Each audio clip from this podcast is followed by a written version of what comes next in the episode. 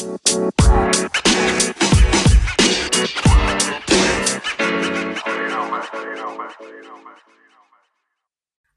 selamat malam eh, teman-teman semua. Apa kabarnya? Semoga kalian semua dalam keadaan sehat dan berbahagia ya.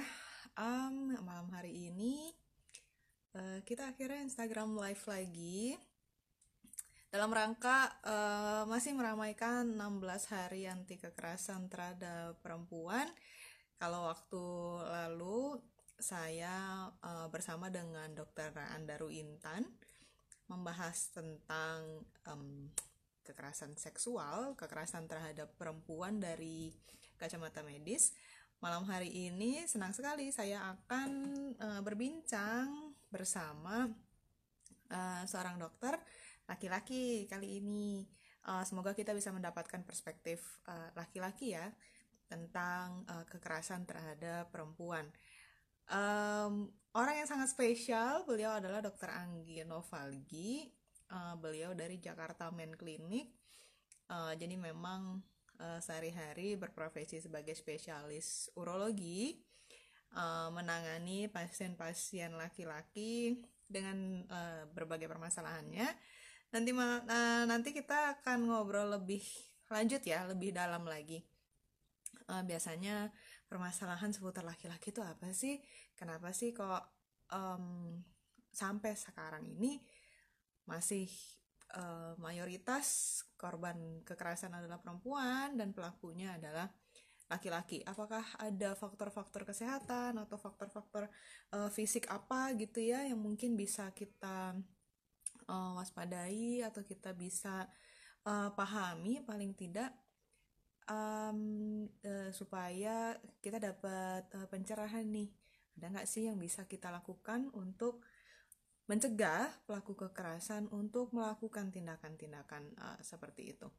Saya mau undang dulu eh, Dokter Anggi dan Jakarta Men Clinic. Eh, sebentar ya, saya harus kontak Dokter Anggi dulu.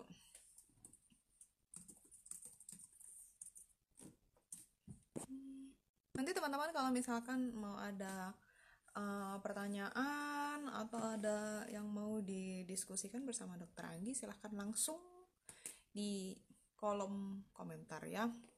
Dokter Anggi udah bersama kita malam hari ini, sama kita juga mau menunggu dari Jakarta Men Clinic nanti malam. Nanti katanya mau join juga. Ini Dokter Anggi dulu ya yang sampai Halo, selamat malam Dokter Sandra. malam Dokter Anggi. Hai, Dok, suara saya kedengaran jelas nggak dok? jelas kok, oke.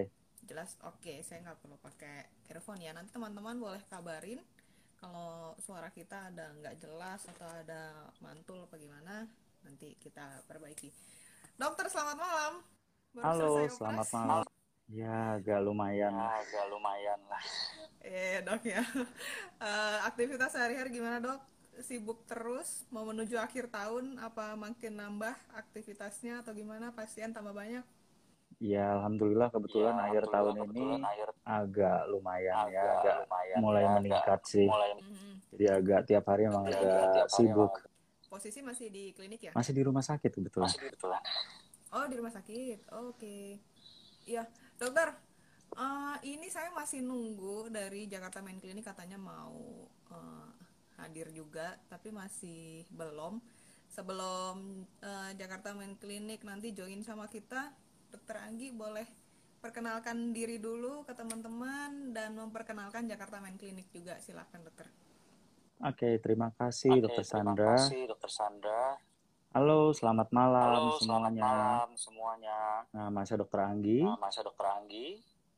Saya spesialis Saya bedah urologi spesialis bedah urologi di Jakarta Men Clinic. di Jakarta Men Clinic. Oke, jadi Jakarta Men Clinic Jadi, adalah Men Clinic adalah uh, klinik yang uh, bergerak klinik yang bergerak di bidang vitalitas laki-laki, laki-laki, estetika khusus untuk estetika, laki-laki, untuk laki, uh, kebugaran uh, dan kesuburan. kebugaran dan kesuburan. Tuh.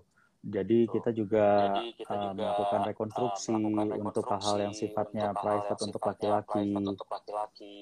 Kemudian ada juga Kemudian ada konsultasi juga untuk konsultasi uh, menyelesaikan untuk uh, masalah di disfungsi masalah ereksi. disfungsi ereksi. Kemudian ya insekuritas Kemudian lainnya ya yang akan kita bahas malam ini sebetulnya Dok malam Sandra. ini sebetulnya Dok Sandra.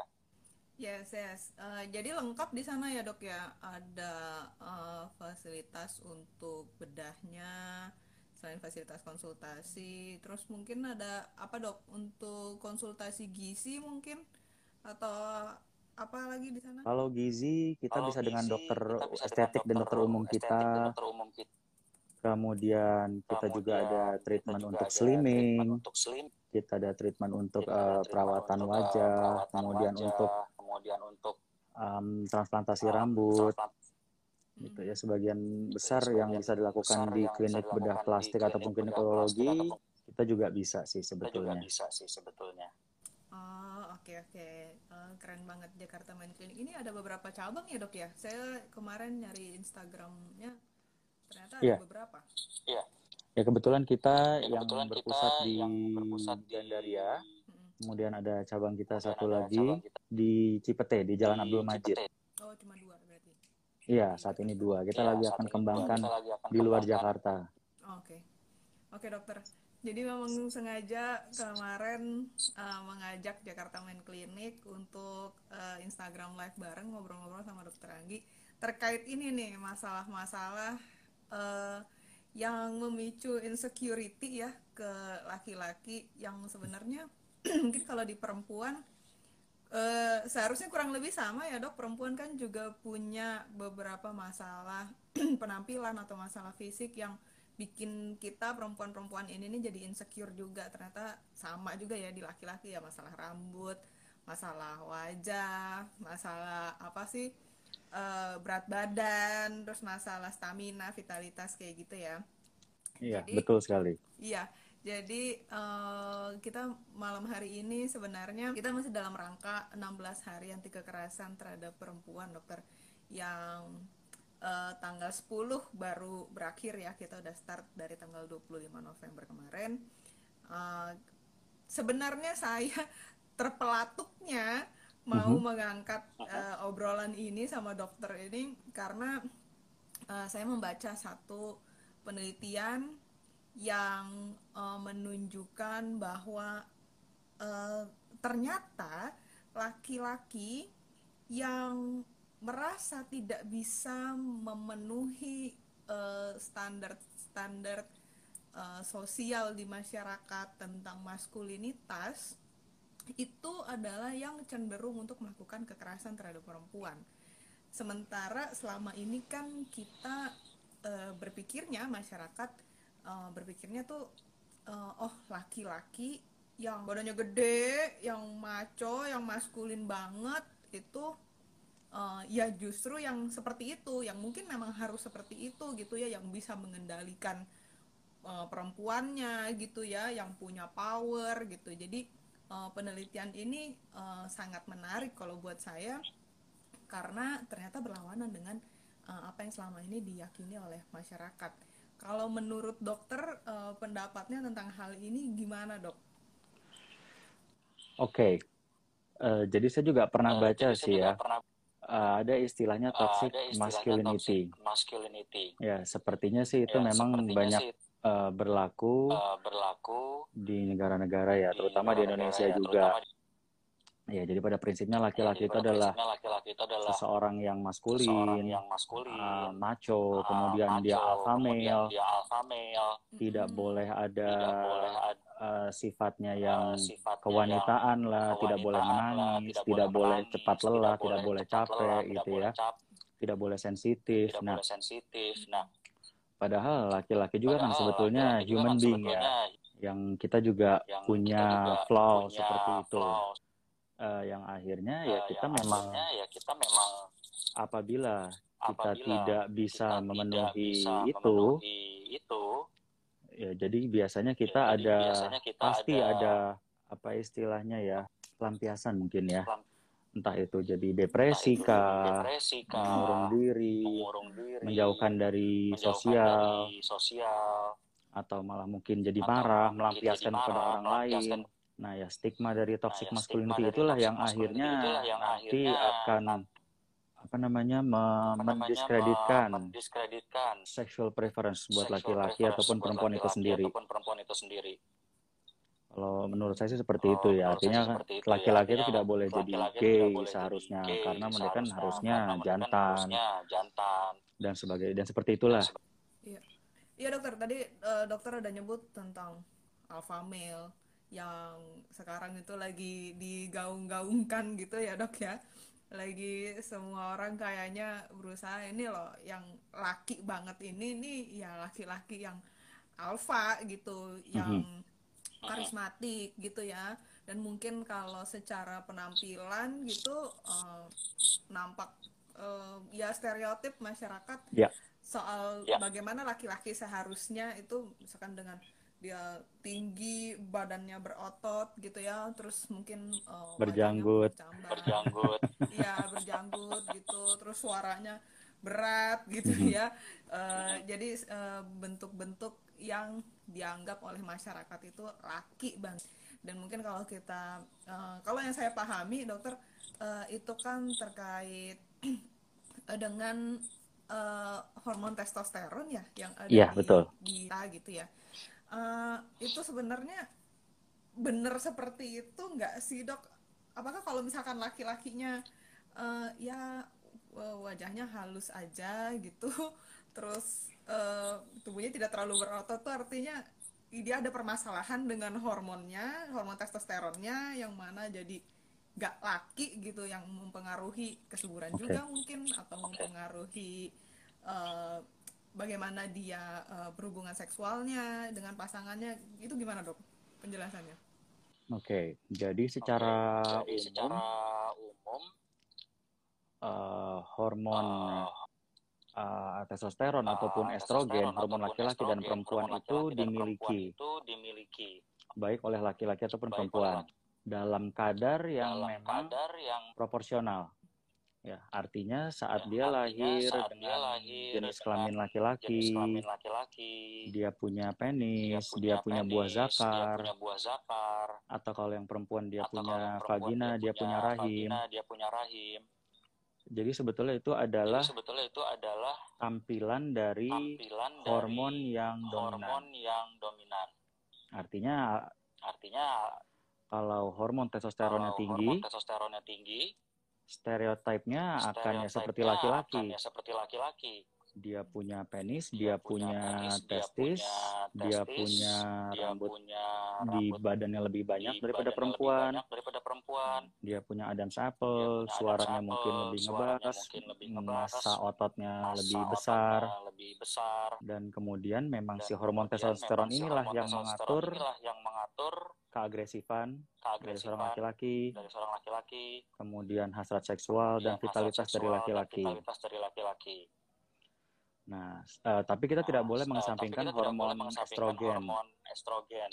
Karena dia juga berperan dalam karena tubuh laki-laki, dalam tubuh contohnya laki-laki, contohnya sebagai eh, pembuat sebagai eh, sperma, pembuat sperma, kemudian dia building kemudian hormon, dia building kemudian hormon, kemudian dia juga berperan dalam dia juga berperan dalam luka, penyembuhan kemudian luka, kemudian ya kalau kita lihat laki-laki ya mukanya kinclong gitu biasanya mukanya memang kinclong hormon gitu biasanya estrogennya memang agak hormon sedikit lebih estrogennya agak tinggi. sedikit lebih tinggi.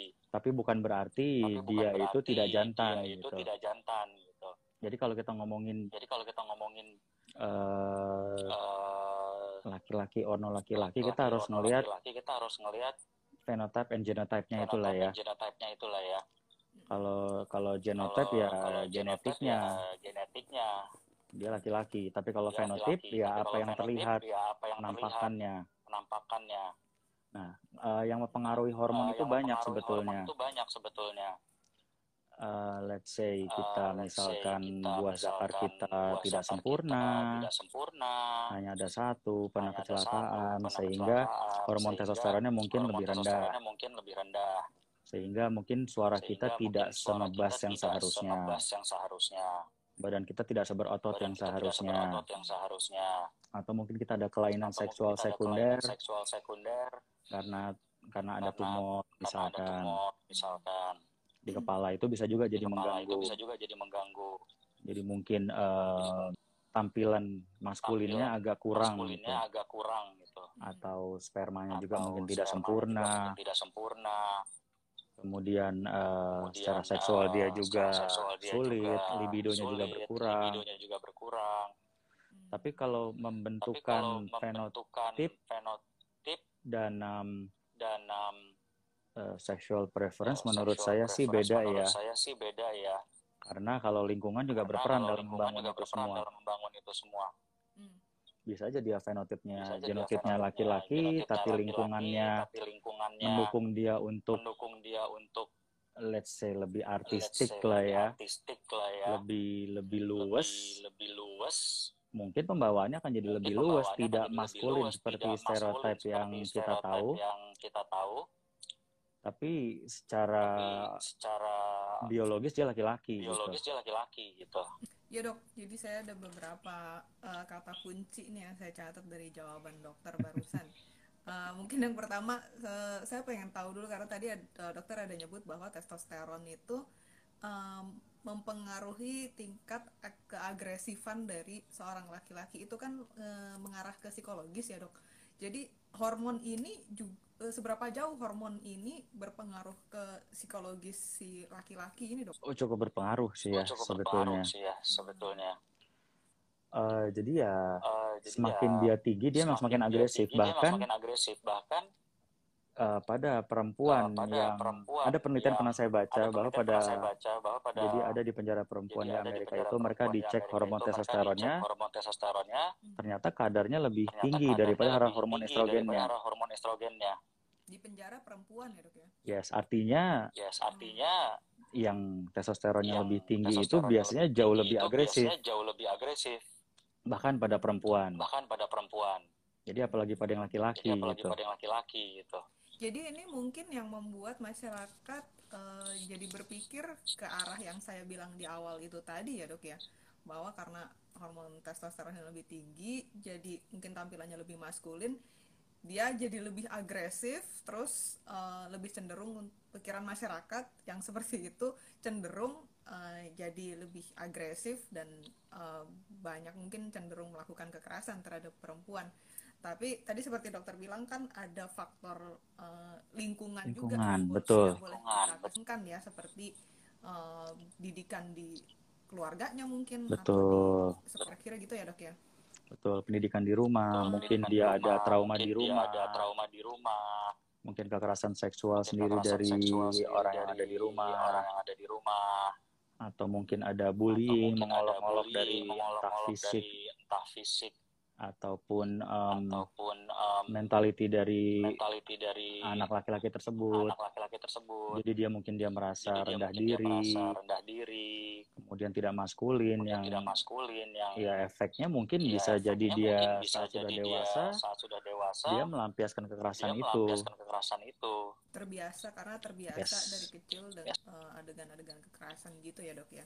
Jadi eh, kalau memang ada laki-laki yang melakukan kekerasan terhadap siapa pun itu kita tidak bisa eh, otomatis langsung serta-merta mm, menyalahkan bahwa oh memang dia laki-laki Eh, karena dia faktor eh, hormonnya memang seperti itu sudah seharusnya seperti itu ya karena ada faktor-faktor yang lain yang harus eh, kita pikirkan lagi gitu. Betul. Nah dokter, Betul.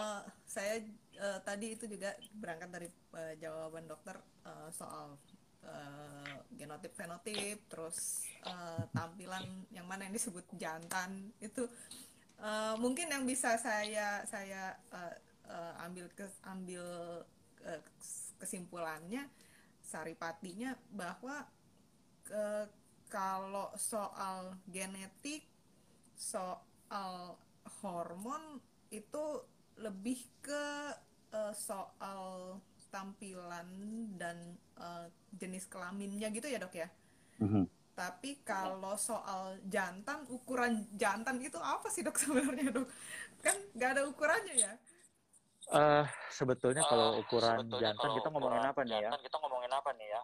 Eh, Kalau laki-laki Kalau dalam laki-laki hal dalam seksual ya, hal seksual ya, biasanya sih yang biasanya jadi sih patokan yang satu jadi ukuran. patokan satu ukuran. mm, mm. Kedua, Kedua, lamanya atau durasinya. lamanya atau durasinya. Mostly sih di situ ya, Mostly sih di biasanya situ sih. ya, biasanya sih. itu ya dok ya Mhm. Emang sebenarnya ada standar atau enggak sih dok? Atau memang sebenarnya ada ada pakemnya atau gimana? orang Indonesia itu kok jadi jadi problem banget gitu selalu kekhawatiran laki-laki kok seputar itu gitu Ya, sebetulnya Ya, kenapa ya? Kalau menurut saya sih ya? Kalau karena saya sih patokan karena kita itu patokan ya kita terus terang itu ya aja terus terang aja ke barat ya. ke barat ya.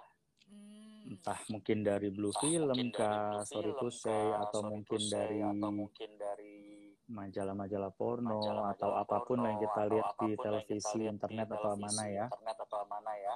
Eh, jadi kalau orang Eh, Caucasian dan jadi orang kalau orang Afrika itu dan orang secara Afrika itu ukuran secara ukuran mereka memang paling atas mereka dari ukuran atas panjang dari penis ukuran ya. Panjang penis ya. Orang Asia sendiri, Orang Asia Indonesia juga sendiri, nggak Indonesia yang juga di bawah-bawah nggak banget sih ya, bawah-bawah mediocre lah. ya, mediocre lah.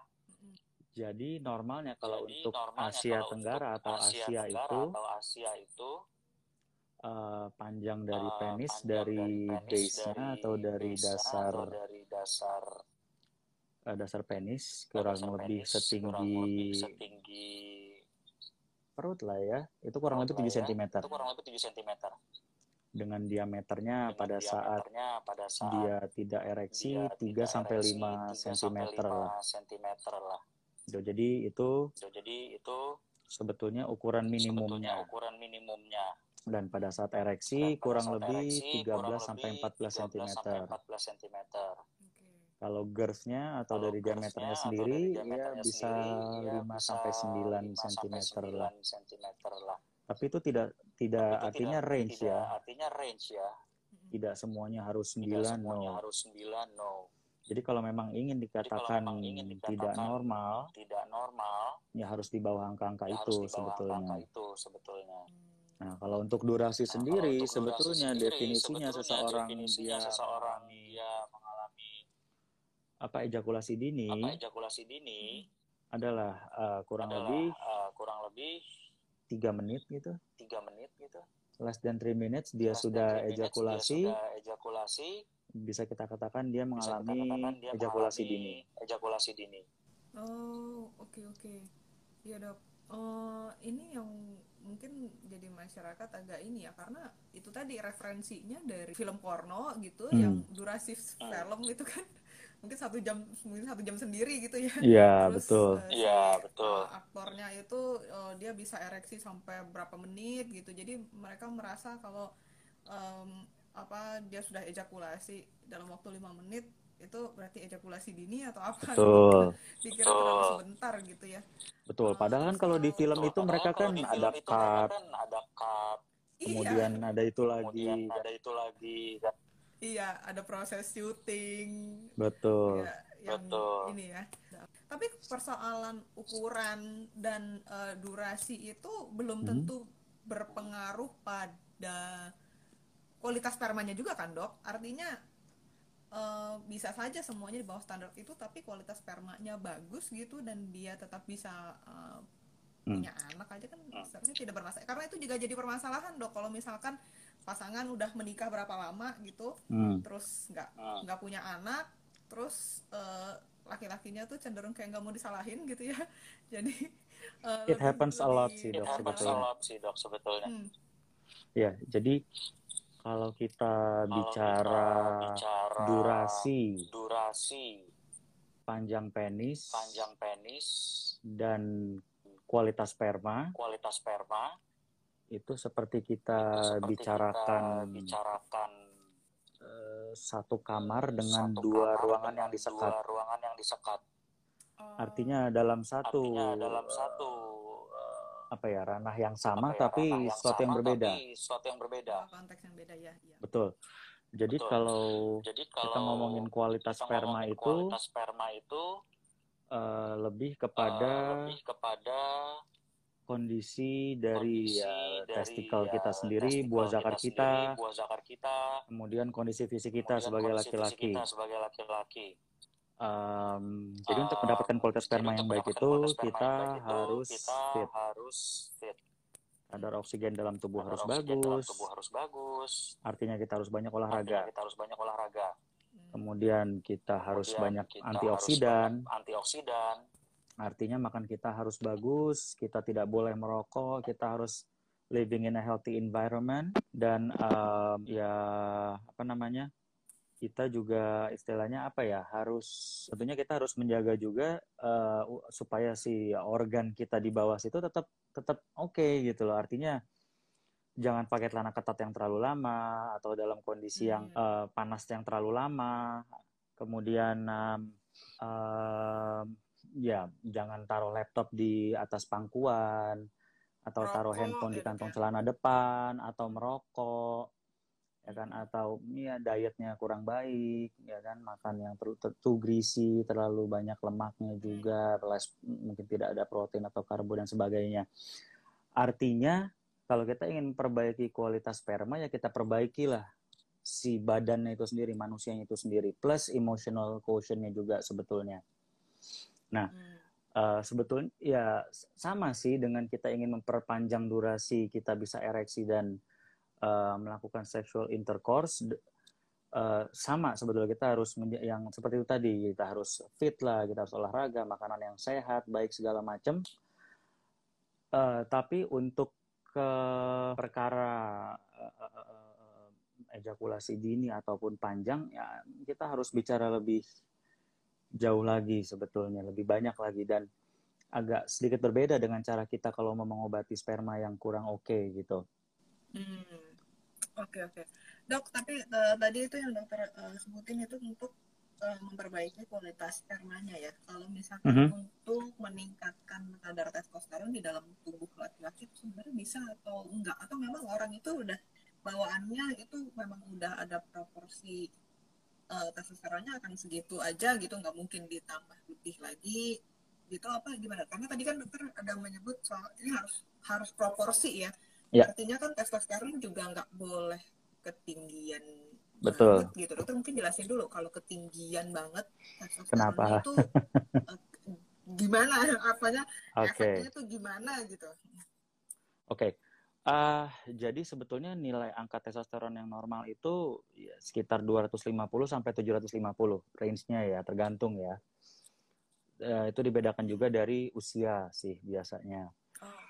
Ya, artinya dengan range normal yang selebar itu, kadang-kadang saat orang ngecek, oh saya normal gitu loh. Tapi saya, let's say, um, libido saya kurang. Kemudian saya untuk ereksi itu susah. Morning wood saya itu susah. Ya kan? Atau ereksi di pagi hari itu saya susah. Atau untuk mempertahankan, memaintain ereksi itu susah. Saya merasa saya kurang fit. Masa otot saya kok kendor, tambah kendor. Hmm. Atau saya pagi hari kok udah ngantuk-ngantuk, habis sarapan terus ngantuk saya mau olahraga kok berat badan saya susah turunnya malah naik terus hmm. lemaknya nah itu semua adalah gejala dari defisiensi testosteron atau kurangnya hormon testosteron um, bisa jadi nilainya ada di range normal 251 let's say atau 300 300-an gitu. Yes it is within normal limit tetapi secara kualitas dia mengganggu quality of life dari eh, laki-laki uh, itu. Sehingga pada saat itu ya harus ditingkatkan untuk sampai range yang agak tinggi lah ya sampai kualitas yang dia tadi apa yang yang simptom yang dirasakan tadi ada perbaikan. Intinya seperti itu. Tetapi memang sebelum kita ingin meningkatkan hormon testosteron itu ada beberapa parameter yang harus kita cek yang pertama testosteron itu sendiri yang kedua ya kita harus cek ada namanya hormon PSA atau prostatic specific antigen apa itu? Itu adalah hormon yang, eh, sorry, itu adalah zat yang dihasilkan oleh prostat. Prostat itu adalah sekali lagi uh, kelenjar seksual laki-laki yang letaknya di pangkal penis jauh di dalam atau persis di muaranya dari si kandung kemih kita. Tujuan alat itu apa sorry kelenjar itu fungsinya adalah sebagai penyimpan sperma lah ya salah satunya ya. Nah makanannya si prostat itu adalah hormon laki-laki, hormon testosteron, oke? Okay? Nah, seiring dengan waktu, PSA itu atau prostat spesifik antigen itu akan terus meningkat, akan terus naik. Tetapi yang jadi masalah adalah kalau dia meningkat terlalu tinggi, artinya aktivitas dari si sel-sel prostatnya juga akan meningkat. Kalau aktivitas sel prostatnya meningkat, dia akan berubah menjadi sesuatu yang um, ganas alias cancer lah ya. Nah, maka dari itu sebelum kita considering untuk uh, meningkatkan hormon testosteron, kita harus cek PSA-nya dan testosteron itu sendiri. Kalau PSA-nya tinggi kita nggak boleh berikan testosteron dari luar istilahnya. Jadi untuk meningkatkan testosteron itu ya bisa dengan ya sekali lagi healthy lifestyle, good habit, good uh, good food eating, kemudian olahraga sih tentunya dia akan meningkatkan hormon testosteron. Tapi apabila itu dilakukan masih juga rendah, ya kita harus berikan hormon testosteron itu dari eksternal atau dengan suntikan gitu. Jadi utamanya tetap testosteron itu bisa ditingkatkan dengan pola-pola hidup sehat ya. Tapi ada solusi Iya. lain yaitu dengan eh, dari eksternal yaitu suntikan. Yes, Jadi, betul. ya, mungkin boleh dijelasin lebih lanjut dok. Karena kan orang mikirnya tuh suntikan testosteron itu kalau mau nge-gym gitu ya biar eh, lebih besar gitu. Cuma em, ada batasannya nggak sih dok seberapa suntikan ini masih bermanfaat eh, atau sudah di level yang berbahaya itu kan juga sebenarnya nggak boleh berlebihan ya dok. ya? Yes, betul. Nah, itu tadi parameternya itu tadi, Dok. Dari satu ya si PSA-nya itu sendiri kan. Kalau kita suntikan satu kali, eh, dia tendensinya untuk meningkat, ya sebaiknya apalagi signifikan cukup tinggi ya, baiknya jangan dilanjutkan. Artinya kita ngundang Karena bisa masalah. menyebabkan kanker itu tadi ya. Yes, menyebabkan kanker prostat. Itu. Eh, kemudian em, parameternya yaitu tadi, kalau kita sudah mencapai 750, kita sudah sampai 800 misalkan, artinya kan sedikit over ya. Nah, kita eh, eh, eh, eh, eh, ya kita nilai kualitas dari treatment kita itu eh, seperti apa. Apakah sudah ada perbaikan ya kan dan tujuan kita pemberian testosteron itu adalah untuk mendapatkan eh, hasil yang saya nggak akan bilang permanen tapi saya eh, sustainable ya. Karena artinya kita sudah tahu testosteron seiring umur akan terus turun kan akan terus menurun sampai berkurang meng- eh, ber- menghilang tidak tapi dia akan berkurang yang akan eh, mengurangi kualitas hidup seorang laki-laki. Nah jadi eh, parameternya selain si angka dari laboratorium itu ya kualitas hidup yang dirasakan oleh si eh, laki-laki itu sendiri. Apabila oke dok saya setelah suntik ini saya jadi lebih vigor gitu atau eh, vitalitas saya lebih oke saya lebih mudah ereksi. Saya hubungan saya dengan istri saya lebih stabil sekarang. Emosi emotionally I'm more stable right now. Tidak mudah marah atau tidak mudah terlalu sensitif gitu kan kualitas komunikasi kami jauh lebih baik kemudian eh, morning mood saya ada kemudian saya dapat memaintain ereksi saya sampai saat ini. Em, masa otot saya mungkin bertambah lemak saya berkurang diabetes saya terbantu jadi lebih terkontrol. So ya oke. Kapan kita harus monitor lagi ya? At least satu tahun kita cek lagi kalau kualitasnya masih oke kemudian kadarnya juga masih cukup ya kita tidak perlu tapi apabila dibutuhkan bisa kita berikan lagi eh, berkala lah ya istilahnya Jadi itu kembali disesuaikan ke eh, masing-masing dari pasiennya ya dok. yes Sesuai betul. kebutuhannya dan eh, dia di di keseharian tuh seperti apa gitu. Kalau memang Ya, sudah betul. dirasa cukup ya cukup aja gitu ya. Kalau Ya. eh, sambil nanti masih dipantau lagi gitu kan dok. Oke oke. Dok ini ada pertanyaan dari kita mhm. Salim Ahmad 01 Eh, gimana caranya kita tahu kualitas sperma kita? Baik oh ini mungkin maksudnya dia pemeriksaan kualitas sperma gitu. Sama mungkin saya tambahin pertanyaannya dok. Mhm, Hmm, dan ini biasanya sering ditanyain sama pasien-pasien saya juga sih. Ada mhm. nggak sih makanan-makanan yang untuk meningkatkan kualitas sperma? Atau gimana dok? Atau olahraga? Ini juga kan sekarang eh, lagi masyarakat lagi hype-hype-nya ya rajin-rajin Iya. olahraga gitu terus mulai keluar isu-isu. Oh, kalau kelamaan olahraga sepeda itu nggak bagus untuk untuk kualitas sperma dan segala macam silakan dokter penjelasannya Oke, eh, kalau kita ingin tahu kualitas sperma ya cek analisa sperma. Itu aja sih sebetulnya. Ya, analisa sperma nanti ketahuan jumlah spermanya berapa, pergerakannya bagaimana, bentuknya bagaimana, itu kita bisa nanti menentukan kualitas spermanya. Mungkin nanti akan ada pemeriksaan hormon tambahan selain itu. Eh, kalau olahraga aktivitas yang pasti yang sifatnya aerobik atau menambah banyak oksigen ke dalam tubuh kita. Itu aja sih, whatever it is. Mau berenang, mau lari, mau jogging, mau treadmillan, mau sepedahan pun sebetulnya oke. Kalau sepedahan sebetulnya ada pros and cons-nya ya soal ini ya. ada yang Oke. bilang ya ada yang bilang tidak boleh lebih dari 40 menit per minggu. Ada yang bilang uh, uh, satu jam per hari selama dua kali seminggu. So itu beda-beda sih sebetulnya. Tapi depends kembali kepada kebutuhan kita sih kalau menurut saya. Artinya um, uh, kalau kita baru menikah, pasangan baru menikah belum satu tahun, emang kita niat ingin punya anak, belum ada rencana untuk menunda. Saya hobinya sepeda gitu misalkan ya mungkin saya akan uh, memikirkan olahraga yang lain. Kenapa? Kalau sepedahan, saya harus pakai celana dalam yang ketat, saya harus pakai celana yang cukup ketat. Kemudian um, saya berkendara di atas sadel yang cukup kecil. Kalau saya main uh, long ride bisa 50 km, 4, 5, 6 jam perjalanan sampai 100 kilo misalkan itu akan memberikan pressure yang cukup lama ya ke area, namanya area perineum ya. Itu area di antara buah zakar dan anus di mana ya itulah area prostat sebetulnya satu. Yang kedua itu ada ada persarafan ada otot juga di situ. Memang kalau dia ditekan terlalu lama akan mengakibatkan ya ada penelitian yang bilang akan apa ya kayak gamang ya. Jadi uh, uh, kualitas ereksi jadi kurang bagus. Kemudian uh, uh, kualitas rangsang di daerah situ jadi agak berkurang lah segala macam. Hmm. Ya kalau memang kita berpikiran untuk saya baru nikah saya mau punya anak, kalau memang ini ada risknya, ya saya bisa mencari alternatif olahraga lain sih kalau menurut saya.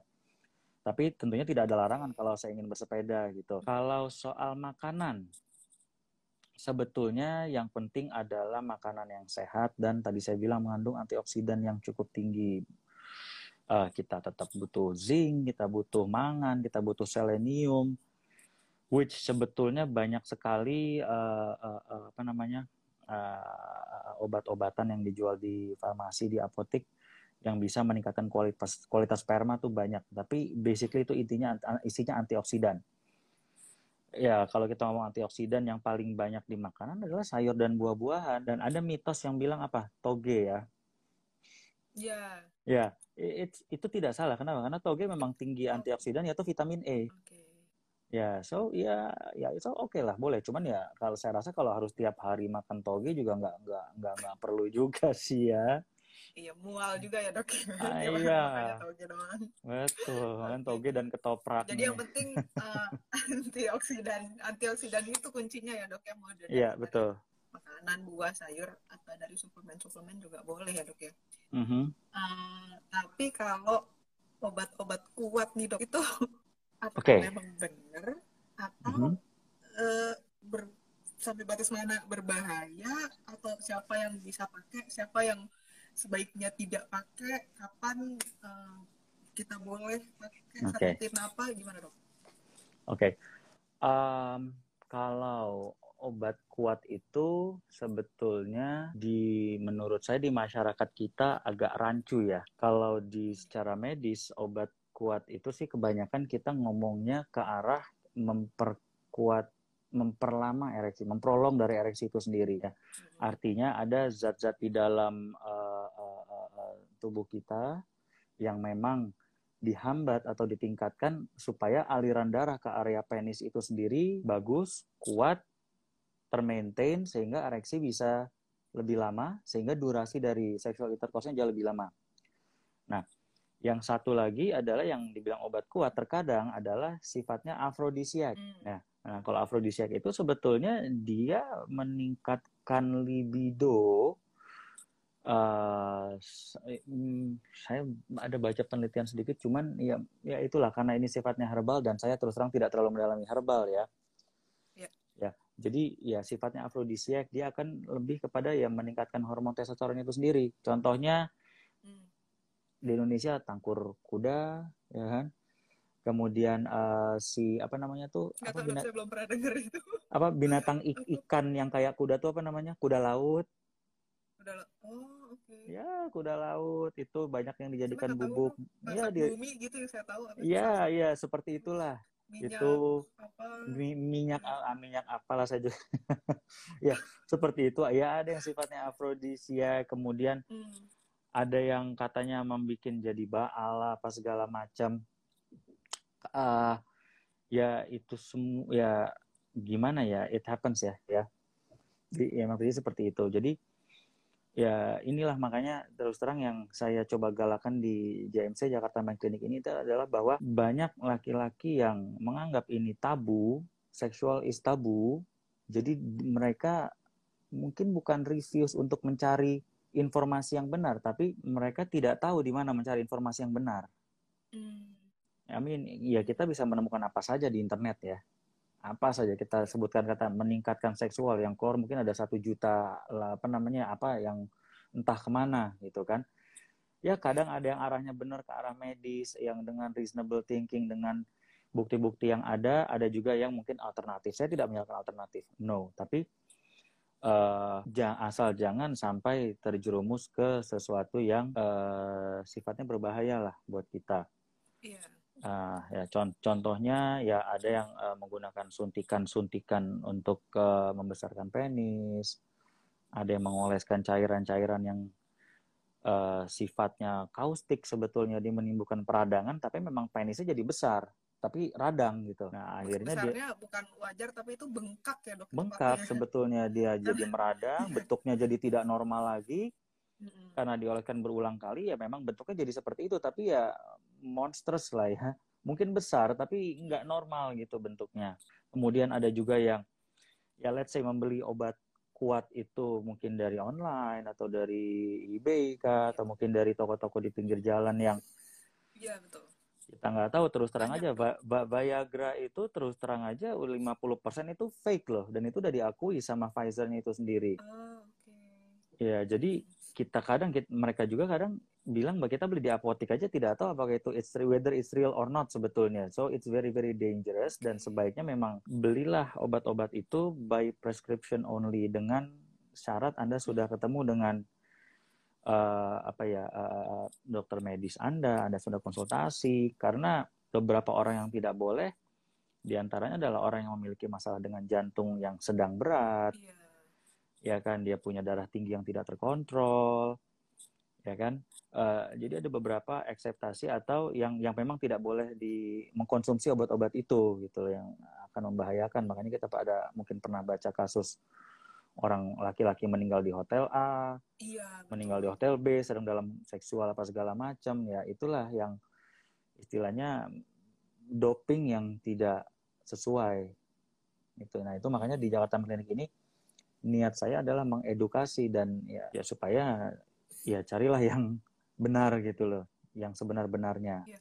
Jadi gitu teman-teman pesannya ya, karena Viagra itu sebenarnya obat yang harus didapatkan dengan resep, resep. itu uh, obat yang uh, ada fungsi uh, khususnya dan dia ada efek samping efek sampingnya juga. Jadi seharusnya tidak bisa dibeli bebas gitu aja, baik di apotek apalagi kalau di toko-toko pinggir um, jalan.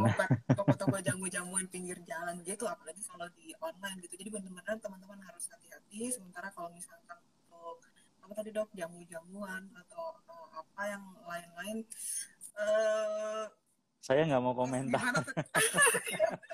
gimana, teman-teman harus sebaiknya sih uh, cari tahu dulu riset iya, dulu research. dan benar-benar bener-bener riset ya teman-teman. Jangan cuma sekedar baca-baca kayak dari blog orang apa tahu dari gitu. temen diajak temen. Nah, ya, banyak kan seperti itu.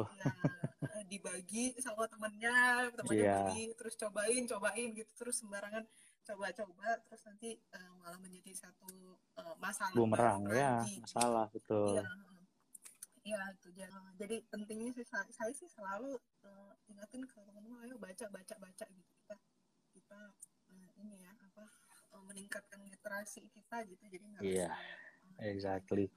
ya yeah.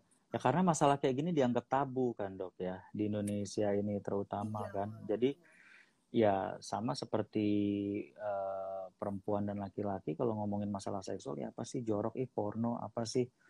I mean ya ya let's face it gitu loh.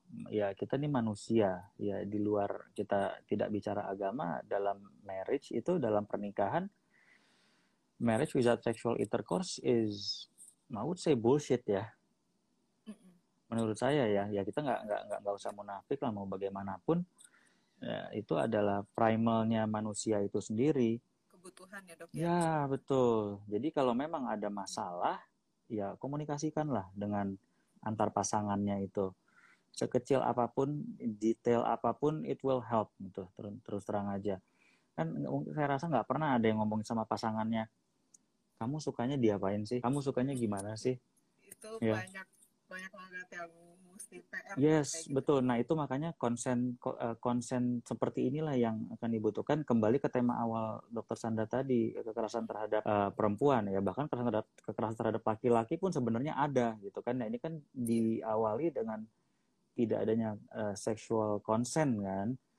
Artinya saya menganggap bahwa saya mau ini ya harusnya kamu oke, which is not right kalau menurut saya. I mean, if you want to do this, both of you have to consent about it. Harus sama-sama oke with it. Dan apa pun itu, ya selama bikin kedua pasangan itu bahagia, ya why not gitu loh. Dan Iya, jangan menjadikan jadi- itu tabu. Iya, ternyata eh, kalau biasanya mungkin yang kita kira kita yang cewek-cewek gini ya kalau ngomongin Mhm. seks itu tabu ternyata kalau di cowok-cowok itu juga ya Sama. padahal kita mengiranya kayak oh, cowok-cowok biasanya emang ngomonginnya kayak gitu Ah. mereka emang pikirannya cuma soal itu doang Eh, Locker tuh room talk gitu ya. iya setiap berapa detik gitu mereka selalu mikirnya itu gitu jadi Betul, tapi ya. ternyata untuk Itu- itu- itu- itu fact sih sebetulnya. normalnya, oh gitu oke Itu fact sih. Cuman tapi untuk Cu- dibicarakannya itu ya dok ya yang yang em, masih merasa risih masih ngerasa tabu gitu ya Itu bahkan tadi, ke itu- pasangannya sendiri ya. Betul itu tadi eh, si eh, eh, eh, toxic eh, toxic masculinity itu dok bahwa kalau saya ada eh, ada gangguan di ereksi saya I'm not fit to be a man. Saya tidak komplit sebagai seorang laki-laki. man, man enough gitu ya. Ya saya tidak bisa membagian istri saya saya tidak bisa membagian pasangan saya Eh, mungkin nanti dia akan selingkuh mungkin dia akan cari pacar atau eh, orang lain sebagai pasangannya. Eh, mungkin saya akan dijauhi mungkin dia akan cerita sama teman-teman saya teman-teman dia. Akhirnya apa ya depresi bisa sampai bunuh diri apa segala macam ada kok seperti itu. Ya akhirnya ya itu tadi kekerasan kan tidak hanya eh, fisik ya. Mental mental abuse kan juga ada. Nah, laki-laki juga ah kamu perempuan apa sih?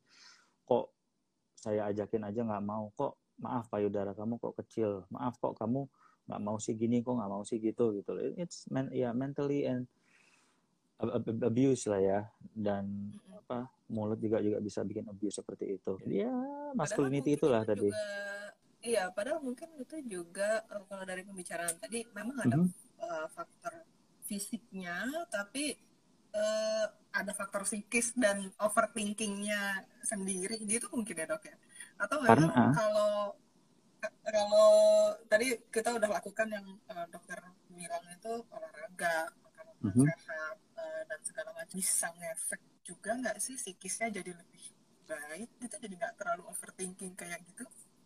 Ah kalau perkara overthinking kita lebih ngomongin ke eh, psikiatri di Iya. ya kejiwaan dan di mana sekali lagi bukan ranah saya, cuman memang karena saya bekerja di klinik yang ngomongin tentang seksual seperti ini, jadi memang kita saya sih harus bi- bisa membaca seseorang ya, insecurity seseorang tuh kita harus cepat bisa tangkap sih ya, karena kadang kita sendiri nggak sadar, kita sendiri nggak Hmm. sadar sampai nanti ini ngobrol itu hanya insecurity kita sendiri ya ya mungkin benar mungkin benar tapi in the end Hmm. biasanya yang selalu saya tangkap iya ya saya kurang ngomong ya sama pasangan saya ya. Iya ya saya nggak pernah nanya sih dia maunya seperti apa. Saya nggak pernah nanya sih dia puas atau tidak dengan uh, let's say ukuran penis saya atau performa saya di atas asur dia tidak pernah nanya saya sih. Mungkin karena it's her obligation atau pasangan apa uh, obligasi dia Oh. sebagai pasangan ya kan? Iya. dan um, ya itu tadi ke- kembali ke obligasi laki-laki pun akan merasa terintimidasi apabila dia tidak bisa melakukan kewajibannya. Jadi agak memang luas sekali sih dok. Kompleks ya dok ya. Very very kompleks. Nah, makanya But- kalau ngobrol kayak gini kadang satu jam aja nggak cukup sama pasien kadang-kadang. Iya.